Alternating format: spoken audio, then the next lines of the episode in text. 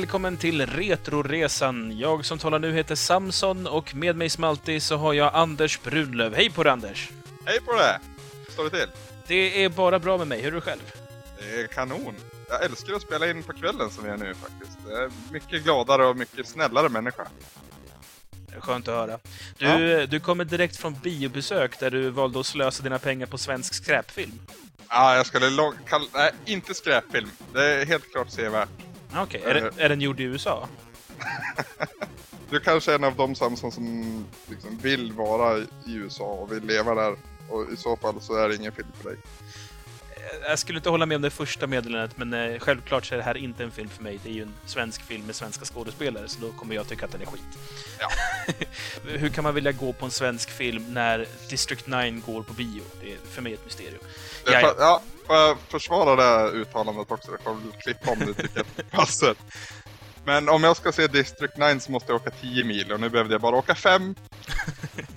jo, det har ju det. Vi får skylla på SF Bio helt enkelt som inte gör som de ska. Ja. Ja, ska vi prata tv-spel kanske? Ja, det är lite därför vi är här kanske. Det är lite därför vi är här, ja. Eh, till idag har vi då spelat PC-spelet MDK. Eh, eller ja, PC och PC. Det finns ju faktiskt till Macintosh och till Playstation också. Yes. Utvecklades av Shiny Entertainment och släpptes 1997 utgivet av Playmates Entertainment System. Eh, ett av de första spelen som krävde en Pentium-processor. Ja, alla känner väl till företaget Intel som gör processorer för datorer bland annat. Och deras stora flaggskepp på den här tiden hette 486. Och det var en tung sak som kunde komma upp i hela 25 MHz om jag inte minns helt fel. och då snackar vi megahertz. Det är alltså väldigt långt ifrån de gigahertz som vi är uppe i idag. Pentium var i alla fall deras liksom nästa stora revolution. Eh, den kom då i slutet på 90-talet och det här spelet var ett av de första som krävde att du hade just den processorn. Okej. Okay. Eh, ja, lite teknisk kuriosa. Eh, storyn i spelet är att du då styr Kurt Hektik som är då en vad är han? En vaktmästare? Ja, visst är det så. Som lånar en dräkt av någon vetenskapsman. Ja, det finns en, en galen vetenskapsman som heter... Inte som... helt oväntat så finns det en galen vetenskapsman. Precis. Inte helt oväntat. Dr. Fluke Hawkins heter han. Jag älskar att han heter Fluke. ja. det, är... det sätter standarden för resten av spelet. Precis, och det är ju Shiny Entertainment som också ligger bakom Earthworm Jim och det här går ju i samma ton helt klart. Ja. Eh, Fluke Hawkins i alla fall har då upptäckt något som han kallar för flange orbits. Ingen riktigt vet vad det är utom han, men eh, hela den vetenskapliga världen utskattar, eller skattar ut honom. Så han bygger då en rymdstation som han kallar för Jim Dandy och där tar han eh, Kurt, eller Kurt Hektik tar då anställning som vaktmästare. Eh, och då ute i rymden så lever då Fluke Hawkins i exil eftersom ingen annan förstår honom. Eh, han uppfinner också då sin eh, robothund som han kallar för eh, Bones, men hunden lyssnar hellre till namnet Max. ja, jag älskar Bones Airstrike. Kom inte, jag håller på med storyn ja, här Anders. Måste, det är viktigt här vet du, du måste veta varför vi slåss. Nej. Jo, det är viktigt. Hur som helst, Dr. Hawkins från sin rymdstation upptäcker då att det kommer en rymdinvasion mot jorden och det är då så kallade minecrawlers med gigantiska maskiner som suger upp eh, naturliga råvaror helt enkelt. Och alla är ju på jorden är ju berövade av det här, men de enda som klarar sig undan är förstås Hawkins, Kurt och eh, hunden Max. Så eh, tyvärr så får ju då eh, Kurt helt enkelt försöka göra sitt bästa för att rädda mänskligheten. Så han eh, tar på sig då en dräkt som kallas för Coil Suit och eh, dyker helt enkelt ner från Jim Dandy ner mot den första minecrawlen. Och det är där då vi tar vid. Det är ju det är väldigt tydligt nu när vi sätter spelarna bredvid varandra. Liksom jämförelserna mellan Earthworm Jim och ja, MDK. För eh, även där så har du den här lite ofrivilliga hjälten på något vis. Earthworm Jim han får ju tag i den här dräkten som han har som gör han till en superhjälte. Det är ju samma story här. Rent eh, tekniskt sett så det, det är en tredjepersons skjutare. Eh, du har också ett, ett sniper mode när man då tar eh, Ja, ska man säga? Alltså, Kurt har ju någon slags bisarrt vapen som han har liksom på armen. Det ser lite ut som en modern Megaman-kanon ungefär. ja, kan... eller Samus Arans kanon kanske. Ja, ja, men en sån armkanon i alla fall. Ja. Den tar han då loss och sätter på huvudet som en strut och då är det en sniper. eh, logiken i det här tänker jag inte gå in på, men det är i alla fall så det funkar. Eh, spelet är uppbyggt av sex riktigt, riktigt stora banor. Alltså det är inte så många, men de, det är ganska rejäla bitar. Det kan ta nästan uppåt en hel timme att klara en bana liksom. Ja. Eh, och varje bana börjar då med att man droppar från Jim Dandy. Alltså att man får eh, dyka helt enkelt som Kurt då ner genom atmosfären och akta sig för minor och allt vad det är. För att då... Tänk i början när jag skulle dyka, jag visste inte om jag skulle ta grej, dra föremålen eller se upp för dem. För man hade ingen indikation på det. Eh, Det är lite så slarvigt uppbyggt tycker jag där. För Ja. det, det- jag håller helt med dig att det är otydligt. Vad är det som är, är liksom... För samtidigt som det kommer då liksom missiler och sånt emot dig så har du också att eh, Max kastar ju ut hjälpmedel åt dig som du kan Mm. använda dig av. Mm. Eh, Så det är jättesvårt att veta vad är det som är ett hjälpmedel. Alltså egentligen är det inte så svårt när man väl har listat ut hur man ska se skillnaden. Men det är aldrig någon som förklarar. Nej, Det, är liksom... Jag, jag har spelat det här på Steam och jag trodde att det var en bantad version. För jag tänkte att så här, men de har klippt bort lite, lite cutscenes och sånt. För att spara plats. Som det brukar vara liksom när man piratkopierar saker. Eh, Men, men något sånt var det liksom inte. Det, det, det här var så som det var. Det var liksom bara hopp, in i det. Rakt in, in i... Vad det heter. In i elden helt enkelt. Man fick liksom ingen förberedelse. nej. Alltså jag, exakt som, som dig trodde jag också att nu är det någonting jag missar här, för jag körde det också på, ja, från Steam då. Eh, och fundera, ja men det kommer en introduktion sen hade jag liksom. Jag tänkte att först ska man bli, bli bekant med kontrollerna och, och med hur det här funkar och så. Det står ju, ja lite hints så att säga. Mm. På skärmen när du ska spränga upp en vägg till exempel med the smallest nuke in the world. Och så. Apropå det så måste vi nästan gå in på power-upsen i spelet. I, I lite mer detalj här. Det är alltså... Just, just power-upsen och de olika sakerna man kan, items man kan plocka upp, det är ju på något sätt där spelet är som absolut roligast och bäst, tycker jag. Ja, det är, alltså jag kan ju väl säga som så redan nu att det var där jag fann underhållningen. Och inte på så många andra ställen. Utan man ville bara se ett, ro- ett, ett roligt klipp eller en rolig titel till. ja, det, ett, ett bra exempel, det är alltså... det- Jag gillar AI i spelet och inte AI som i hur den beter sig när du faktiskt... När du agerar mot det, utan när du använder dig av något item, hur AI reagerar på det. Du har ju till exempel då världens mest intressanta bomb. Ja. Den heter alltså då World's Most Interesting Bomb. Kastar du den så är det liksom en bomb som bara ligger där. Men alla fiender blir jättenyfikna och går fram och de ser så fantastiskt roliga ut. De är såhär Hö? Vad är det där? Hö? Det tyckte jag var hysteriskt roligt, så att jag började nästan gråta när jag såg det, för det var så himla kul. Eh, Är, är, det din, är det din favorit bland alla power-ups? min favorit är nog eh, världens minsta... Nej, Dummin tycker jag om. Men det är mest för att den är så jävla effektiv. Ja, den är ruskigt effektiv. Och sen så är det så snyggt att det är liksom, det är verkligen en ballongfigur av dig. alltså, all- allmänt så kan man säga att det- det är liksom, det är vettiga power-ups. Du har en som är en bomb som lockar till sig saker. Påminner om pipe-bomben till exempel i Left 4 Dead. Eh, Du har den här dummin som i princip är att du skapar en, en kopia av dig själv längre bort som lockar till sig fiender.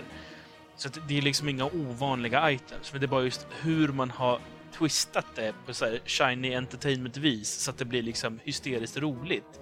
Och Mm. inte bara liksom praktiskt. Det, det är mycket det som är, för mig, kärnan i hela spelet. Det är lika när du först kommer in och möter din första fiende, när han får se syn på dig. Det, det, då gör han inte som i alla andra spel, utan då busvisslar han efter förstärkning på ett, ja, jag vet inte om det är så roligt nu när jag pratar om det, men jag tyckte det var liksom en, en rolig grej. Ja, men de, de är väldigt levande, de här karaktärerna. Det känns, Ja. det känns nästan lite tecknad film. Ja, snarare än, än tv-spel. Och det, det är väldigt uppfriskande, tycker jag, att se att man har liksom... Men det här är 1997. mm. Jag menar, jämför det med, med samtida spel och, och hur fiender betedde sig där. Det, då var det liksom, visst, de hade kanske smartare AI än vad de har här. Alltså hur de beter sig när du väl är i strid. Men bara såna små detaljer som de är väldigt, väldigt... Inte mänskliga, det kanske är fel att säga, men, men väldigt... Det känns lite mer som att det är riktiga karaktärer. ja de, har, de har en personlighet. Ja, men jag tror du satte, satte huvudet, på, huvudet på spiken, säger man så? Nej. du slog huvudet på spiken. Yes. Ja, min favorit power-up, den har jag redan namedroppat. Det är Bones Airstrike. Mm. Och det, det, det är precis vad det, vad det låter som. Det är den här hunden som dyker upp och drar en airstrike helt. Vad tyckte du om uh, snipingläget då? Uh, ja, i huvudsak tycker jag det funkar bra. Alltså det är första bossen tror jag det är va? Som hela grejen går ut på att man ska... Ja, man har en sniping-duell mot han helt enkelt. I en mekanik som känns väldigt daterad så kändes den minst icke-funktionell. Gud vad snurrigt det där var. Men det är den som har bevarats bäst och det är den som funkar fortfarande. Alltså jag tycker att det är ganska läckert att, för det här är ju från en, en spel från en väldigt gammal tid och på den här tiden så hade man, alltså det, det var ju inte konstigt att man inte kunde se hela banan på samma gång för att det helt enkelt var för du, alltså datorn klarade inte av det. Det fanns inte ramminne eller liknande för att visa upp en hel bana så du hade typ en dim-effekt eller någonting så att du inte kunde se så långt i djup. Mm. Och här kan du ju verkligen zooma, ja, ibland känns det som flera kilometer. Mm, det är alltså, ja, zooma, du kan se så väldigt mycket av hela, ja du kan nästan se hela banan ibland. Mm. I inledningen av, av banan. Och ja, jag håller med dig. Det, det känns, på det sättet känns det inte 1997. Och, och jag menar, det är ju gigantiska banor och för sin tid så måste det här varit... Alltså om jag hade spelat där 1997 hade jag väl kissat på mig av, av hur imponerad jag måste ha blivit av det liksom. Ja, än en gång, det känns inte så jätteimponerande nu och det känns väl, väl verkligen daterat, men skulle man ha spelat det här spelet utan att veta vilket år det kom från skulle man ju ha sagt bra mycket senare ändå, för att det är trots allt före sin tid. Jo. Många, I många avseenden. Precis, precis. Vad, eh, har du något favorit? Alltså spelet är också uppbyggt mycket på att det är små minispel, känns det som. För dels så har du att du har här tredjepersons shootern, och det är mycket plattformsmoment i den också. Mm. Och sen så har du det att liksom det är uppbyggt väldigt linjärt. Det är liksom en bana och så är det liksom ett moment du tar dig förbi, kommer till nästa moment. Du kommer till en stor arena där det är jättemycket du ska döda och så vidare. Men det kommer alltid såna här små minigrejer. Som första gången man får mortars som är... Ja, granatkastare. Ja, som du då ska snipra och då, då det är så sniper bull, eller mortar bullets till snipe-geväret. Ja. Så det du gör är att du ska liksom sikta och så ska du, du ska lyckas träffa någon ventilationstrumma så alltså att den här sniper... Eller förlåt, så att den här eh, kulan då ramlar ner till där fienderna står för de är skyddade av en vägg till exempel. Alltså det är mycket sådana små minispelsmoment som liksom... Det är minispel i den mån att de bryter mot, mot ordinarie gameplay, men de är inte minispel i och med att de ändå lyder under samma grafiska och, och liksom fysiska regler som resten av spelet. Ja, och det, det, det är ingen laddningsskärm eller det är ingen annorlunda där, utan det bara dyker upp mitt i banan. Ja, precis, precis. Nej, det, det, det är roligt att du tar upp just eh, granatkast-segmentet. För det, det fann jag väldigt roligt. Det var ju precis som allt annat egentligen så var det på grund av hur fienderna agerade. när, de, när, de, när de inser att jag kommer inte kunna skjuta dem som vanligt, det har ju de väldigt roligt åt. Och står och fjantar sig ordentligt. Och... ganska så rejäl. Står och typ vickar på skärten åt den och lipar och hoppar med, liksom fram och tillbaka. Ja, det är mycket sånt. och ja, eh, just det den jag tänker på. Då skulle man ju få ner den här granaten i en, i en liten tratt bara. Och det var ju rätt enkelt. Men just när den här granaten faller ner hos en av de här fienderna så blir det det här klassiska? Igen. och så när de, när de får paniken när de inser att det är något som kommer att explodera. Vad tänkte du på för minispelsegment då? Som... Alltså det är ju andra som eh, också bygger lite på samma princip. Att det antingen ska snipras någonting eller så ska man liksom eh, öppna upp någonting på ena stället för att sen... Alltså det är lite så här små, små snuttar av gameplay-stilar som inte kommer tillbaka mer eller mindre. Mm. Jag, eh, jag har inget jättekonkret exempel förutom just det här sniper-exemplet, för det är ju jättetydliga. Men det finns många andra liknande också. Sen har du också såna här rena liksom minigames där du till exempel ska åka rutschkana. Ja, oh, det var också kul! När man åker och plockar äpplen och, eller godisbitar där till och med. Ja, ja alltså du sa det för att det är väldigt linjärt och man ska alltid åt ett håll. Och det stämmer ju. Och det för ju tankarna till Crash Bandicoot eh, till ja, Playstation. Det, det, är 3D, du kan röra dig åt alla håll men banan är i en linje. Till, till MDKs försvar ska ju sägas att det öppnar ju upp mycket mer än vad Crash gör. Ja, ja. Du har, du har ju stora arenor ibland där du har liksom jättemycket du kan göra på en samma plats. Och liksom det är flera hundra meter för att, Ja. för att liksom förklara det i siffror också. Själva upplägget menar jag då på i alla fall är ju rätt lika. Ja, jo det är det ju. Och det, det, det funkar ju bra, måste jag säga. Jag tror att det, det här är ett bättre alternativ än att de skulle göra det som en... Ja, ja men som man gjorde i Super Mario 64 ungefär, att det är små plättar på olika ställen. Det här funkar bättre. Också för att de kan dölja laddningsskärmarna på ett sånt slukt sätt som de gör. Ja, fast ibland kommer den ju upp den här loading... Ja, det är för att det springer för fort. Jaha, är det så det är? Har du märkt att om du tiltar gubben så att han springer snett framåt så springer han mycket, mycket fortare? Jag tyckte jag var skit elit när jag, när jag upptäckte det. Då kände jag nu kommer Samson att bli stolt över mig. Ja, men det är ändå. Ja, Aha, vad bra! Annars brukar jag mest vara ett jävla trash talk om att jag är en sämre tv-spelare än dig. Ja. Och det vet vi alla att det, så är det inte. Jag kan säga så här då, hur länge sedan var det du klarade MDK? för jag var klar för ungefär en vecka sedan. Jag, jag, jag, jag säger inte mer än så. Du behöver inte säga något mer. Bara, vi, vi lämnar det helt enkelt där och går vidare. Du, du har säkert varit upptagen, recenserat något spel åt något eller... Ja, jo, men det blir ju lätt så ibland. Man har mycket att göra. Mm. Någon gång Samson, någon gång, då kommer vi att sitta i en soffa och du kommer att gråta när vi är klara. Jag hoppas att du är med att vi ska spela tv-spel och inte någonting annat. Ja, vi egentligen behöver vi inte spela någonting, för vi vet ju aldrig hur det kommer gå, men... Det är väl lite det jag tänkt. Någon dag. Vi får se. Någon dag. Ja. Ja, eh, MDK är ju en förkortning. Då kan man ju undra sig vad är det det står för egentligen? Jag har en kompis som är övertygad om att han vet att det står för Murder, Death, Kill. Det är som så, jag kan faktiskt ge dig den, den riktigt långa, eh, långa intrikata historien. Ehm, spelets ursprungliga namn, eller kodnamn, var MDK. Alltså när de inte hade döpt den. Då kallade de det kort och gott MDK. De satte aldrig exakt vad MDK betydde, men underförstått så syftade det på Murder, Death, Kill. Eh, som också används till exempel i Demolition Man, som du nämnde. Mm. Eh, anställda på Shiny däremot, de eh, hittade på sina egna varianter från dag till dag. Det har bland annat kallats My Dog Ken. En del hävdar att det här MDK är kort för M för Max, D för Dr. Hawkins och K för Kurt. Alright. Eh, million Dollar Knockout. Massive Dollops of Ketchup. Vad fan. Mother's Day Kisses. Och slutligen My Diary and then something that begins with a K. Ja, jag måste ju säga att eh, Murder, Murder, Death, Kill passar in bäst, om man nu kan säga det. Även Eh. fast många var väldigt vackra.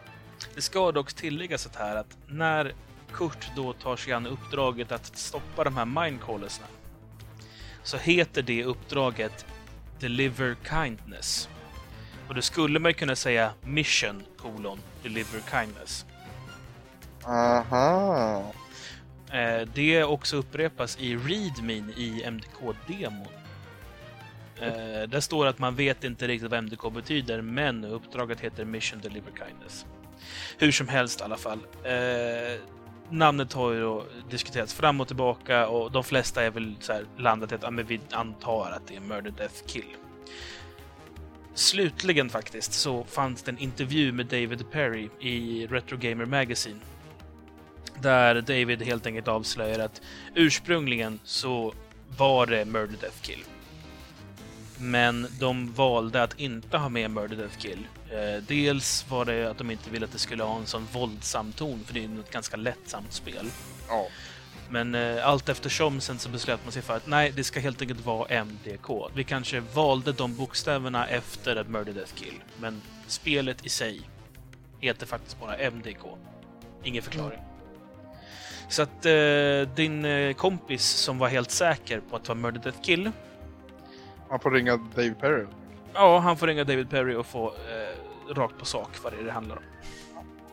Då har vi löst det. Ja. ja, eh, lite så här löjlig, löjlig, löjlig kuriosa. Eh, I slutet av spelet så eh, spelas det en eh, musikvideo, väldigt bisarrt från ingenstans. Och eh, låten är då en cover av, som ursprungligen en låt som heter Non rien change. Som är en gammal, gammal låt från ett franskt band som heter Le Popy. Och det är coverat då till den här av någon som kallar sig för Billy the Kick. Eh, titeln då, No No Rien change, betyder då No No Nothing has changed. Och eh, syftar ju då på att Dr. Fluke Hawkins fortfarande inte har blivit erkänd som vetenskapsmän. Eh, det är en väldigt, väldigt bizarr slutfilm för att det är en musikvideo blandat med liksom grejer från spelet, eh, en gammal promo gameplay-video som, som var liksom, som du kan hitta på Youtube, som, som är helt eh, liksom gammeldags i, i grafik som inte ens finns med i spelet och sen är det filmade sekvenser med någon skådis som har på sig den här dräkten. Och, sen då det här Billy the Kick-bandet då som sjunger den här låten No, no, rien change. Det känns som att vi måste lägga upp en länk på hemsidan. Här, va? Ja, det är en väldigt, väldigt, väldigt udda liten snutt och jag eh, blev inte mycket klokare när jag fick se den kan jag erkänna också. Inte jag heller. Um, andra fåniga små detaljer om spelet. Uh, den första minecrawlen, den uh, kryper sig mot Laguna Beach, som du minns. Mm. Det är också där Shiny hade sitt huvudkvarter när spelet gjordes. Oh. Uh, sen har jag också märkt, för att jag och flickvännen haft ett Arkivex-race, oh. att i öppningsscenen till avsnittet Schizogyny, som är alltså avsnitt nummer 9 i säsong 5, i, i, i avsnittets öppning, så får man se helt enkelt lite gameplay från det här spelet. Okay. Eh, varför de har valt att göra det jag ingen aning om, för ingenting i spelet har med, med någonting annat intressant att göra, alltså ingenting i tv-serien. Det är väl att det var the shit, helt enkelt. jag tror att det, det kanske var så enkelt, helt enkelt. Jag vet inte, Samson, skulle du rekommendera det här spelet till någon som inte har spelat det? Ja, alltså, ska jag vara ärlig så, så ja. Alltså först tänkte jag att det, det, här spelet har liksom haft sina bästa dagar redan. Och det har det ju. Men jag tycker fortfarande att det var nöjsamt att spela. Alltså jag trivdes väldigt mycket i den här världen och jag skrattade väldigt mycket när jag spelade det. Mm. Och nu har jag också grävt fram tvåan som Bioware har utvecklat. Mm. Uh, och den har jag hört ska vara bättre. Och det, det, alltså det jag har saknat i, i det här spelet är ju att det är lite, lite för lite narrativ. Alltså jag känner mig inte riktigt... Jag har inte riktigt koll på vad som händer. Nej. Utan jag bara gör vad jag blir tillsagd. Och vad jag förstått så ska tvåan innehålla mycket mer liksom dialog och det ska vara mycket mer story och liksom movie-sekvenser och du ska även få chansen att spela både som Max och som, som Dr. Fluke Hawkins. Mm. Så att jag, eh, jag ska sätta igång med tvåan nu och det är ju ganska positivt omdöme att jag ändå bryr mig om så pass mycket att jag skaffat tvåan och tänker sätta mig och spela det. Jag känner ju lite så här att eh, med tanke på spelets ålder och, och det daterade ja, gameplayet och grafiken så är det ju, alltså det är jobbigt att spela det många, många gånger. Så om du har en kompis som har spelat spelet förr som kan tänka sig att spela det igen för att han inte ser på det på samma sätt utan han, han ser, ser på det på samma sätt som 97. Sätt dig bredvid han och titta på när någon annan spelar. för du vill, du vill ju ändå se allting. Och då kan du typ ja, käka en macka eller medan en, ha en trevlig stund. så hemskt tycker jag inte gameplay är. Alltså jag håller med dig om att det lider ju jättemycket av så barnsjukdomar från, från tidig 3D. Och kontrollen är helt absurd från början och ställer man in keyboard och mus till exempel så, så är det ju inte den klassiska keyboard och musuppsättningen vi är vana vid idag. Nej. Utan du får ju gå in och tweaka den så att du får den som du vill ha den liksom. Men jag menar, jag tycker ändå att det är, det är spelvärt. Det är ju inte det är inte ett toppspel. Det är ingenting som jag kommer skriva upp på någon lista om jag ska skriva 100 spel jag tyckte var fantastiska. Som jag gjorde menar du? Precis, det var lite det, lite det jag syftade på. Anders har skrivit... Ah, det kommer en länk på hemsidan än en gång. Ja. Yeah. Anders har alltså listat sina 100 favoritspel på Gameplayer. Vi, vi länkar det. Men du skulle kunna ta upp det på en lista över unika spel kanske? Underhållande spel? Ja, alltså spel med humor. Om jag skulle ja. lista de, de, de tio roligaste spelen, då pratar jag liksom bara om skratthumor, haha. Då, då finns det här med helt klart.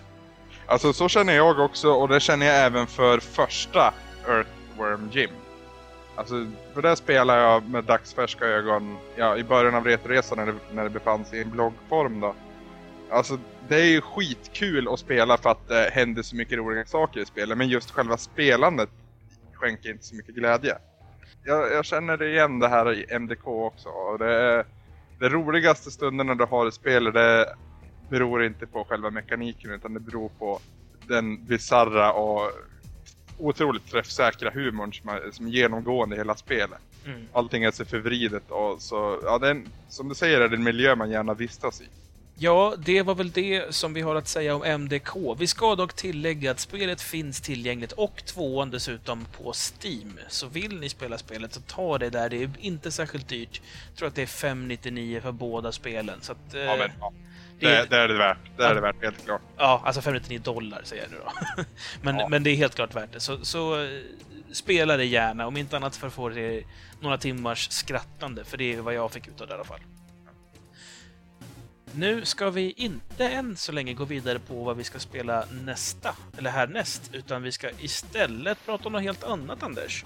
Jajamän, en liten överstegsfint där. Vi, Alltså, Nej, jag, jag kan ingenting om sport, Anders, så det där är jättedumt att börja prata så. Ja, men- ja, men, jo men alltså att finta vänster och gå höger är precis vad det låter som. Okej. Nej då. Eh, när jag inledde Retroresan, eh, back in the day, som fortfarande är samma år, eh, så hade jag ett, ett litet mål för mig själv och det var att jag skulle spela betydligt mer RPGs för att det är väldigt lite jag spelar och det första spelet jag spelade var Super Mario RPG, Super Nintendo. Uh, nu när jag har slagit ihop eh, min, en av mina påsar med Samson så, så visar det sig att ja, han har naturligtvis spelat allting jag vill spela. Uh, så då tänkte jag så här att jag, jag bryter ifrån lite och kör ett spel i bakgrunden lite grann. I lite parallellt med, med det vi ska ta upp så småningom här i avsnittet. Så vad ska du spela för något? Nu ska jag faktiskt ge mig in på den helt gyllene serien Final Fantasy och jag börjar med del 4 som i USA vill kallas del 2. Det är Alltså det första Final Fantasy-spelet till Super Nintendo. Och jag har väl spelat kanske en uh, halvtimme, 45 minuter än så länge. Jag, tidigare idag körde jag igång det. Eh, och jag, jag säger det på en gång, jag är positivt överraskad rent prestationsmässigt. För även om grafiken känns väldigt tidig Super Nintendo. Det känns, ja vi, vi pratade lite innan Samson, det känns snarare som att det är från början tänkt att vara till NES. Men Det var, Man. det var väl till och med så att det var tänkt att vara till NES från början? ja, till och med så ja. ja. Eh, och så sen har den fått mer kräm och, och röra ner i grytan och då har man bara tryckt in mer av allt som redan var befintligt. Musiken är ju helt makalöst. Jag föll in i stämningen på en gång. Och jag kommer ju så fort vi är, jag liksom slutar spela in så kommer jag fortsätta spela det här spelet. Alltså jag kände att det här ska bli jävligt kul för mig, för nu har ju jag spelat det här spelet. Ja. Visserligen var det ju jävla massa år sedan jag spelade det här spelet när det nästan var nytt. Alltså via gråimport.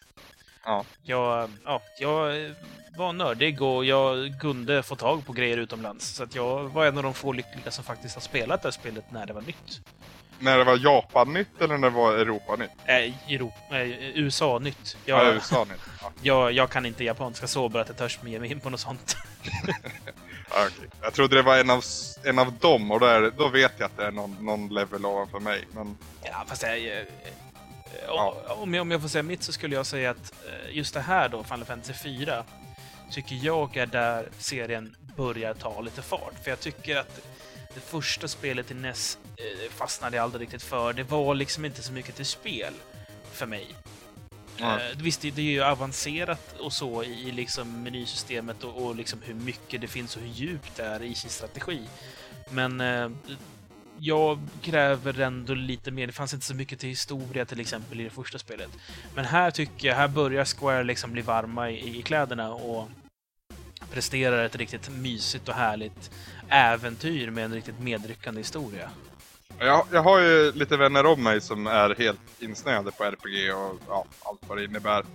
Ehm, och de, jag har ju liksom rådfrågat lite med dem och de sa ju att det är ju fyran du ska börja med. Det är fyran som liksom är, ja som du sa, första riktigt stora steget för, för Square. Mm. Och, och, och sen då så småningom gå vidare på senare delar i serien. Mm. lite handplockat där. Men eh, det känns ju bra, det passar ju på Final Fantasy för man behöver inte spela någonting tidigare för att kunna spela ett Final Fantasy-spel. Hur lång... Behöver Nej, precis. Eh, hur lång tid tror du att det kommer ta för dig att spela, spela igenom hela spelet? Då? Ja, det är ju lite det som är eh, tanken med att jag kör det parallellt. För att jag kommer att lämna en liten så här, ja, statusrapport i varje Retroresan-avsnitt. Hur långt jag kommer, vad jag upplevt och vad jag tycker hittills. Så det blir ju för långt att, att ta ett sånt här uh, maffigt... Jag vet inte vad det klockar in på. Liksom helt average. Åtskilliga timmar skulle jag i alla fall Ja. Precis. Å- så det- åtskil- det- Åtskilligt mer än vad MDK gör exempel.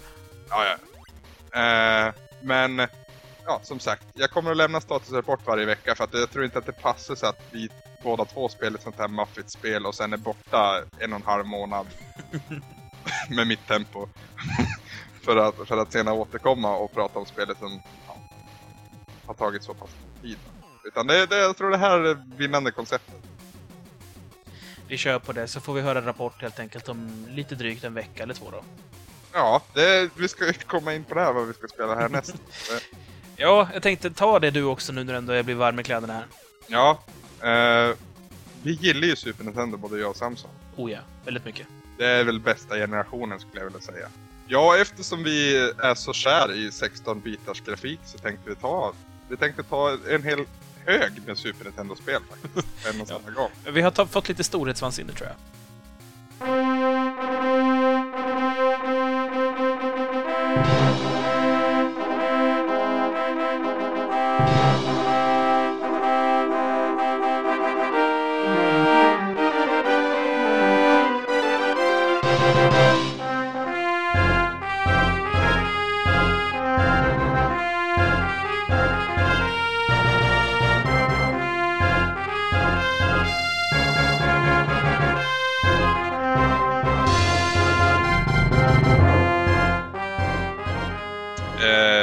Spel som, eller en spelserie som jag och Samson inte har spelat är alltså Super Star Wars på ja, Super Nintendo helt enkelt. Och det är tre spel baserat på tre filmer som ligger väl väldigt varmt om hjärtat åt både dig och mig va? Ja, gud ja. ja. Alltså, gamla Star Wars, det har jag följt med mig sedan barndomen. Vi, vi har som tradition att vi ser på Star Wars. Åker jag upp och hälsar på min morsa imorgon så kommer hon säga Ska vi ta en kopp te och kolla på en Star Wars-film?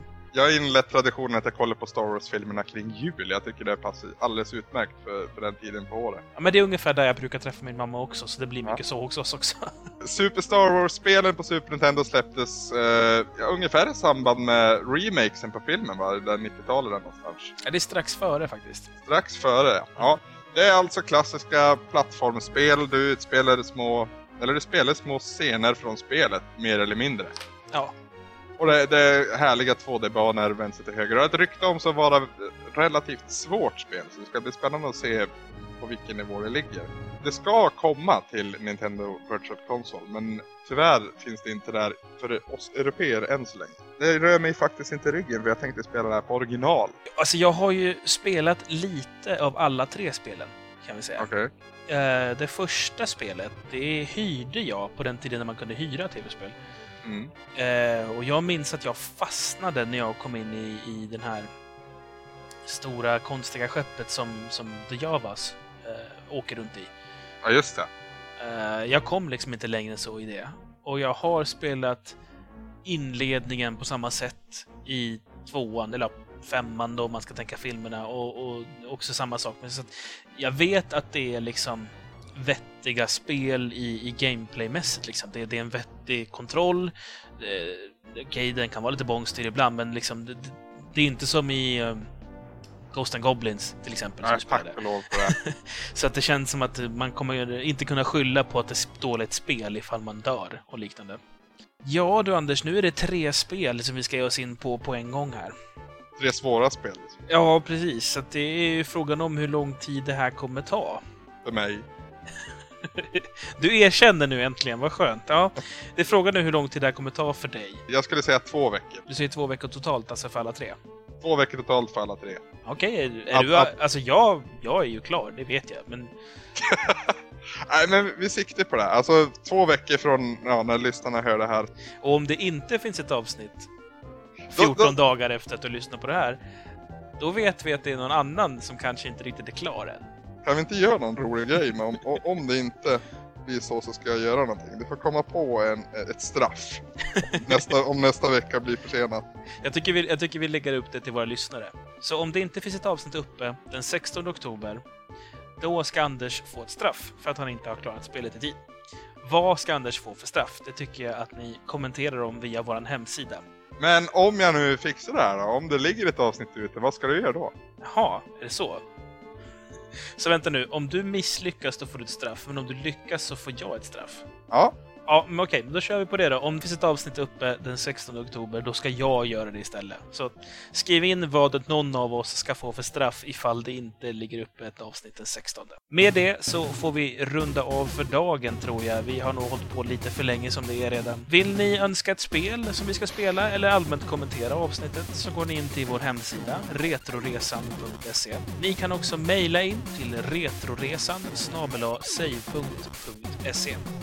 vill man prenumerera på oss så hittar man RSS-feeds eller iTunes-länkar via hemsidan. Och det är alltså retroresan.se. Då tackar vi för idag. Jag heter Samson. jag heter Anders. Målet är ingenting. Resan är allt.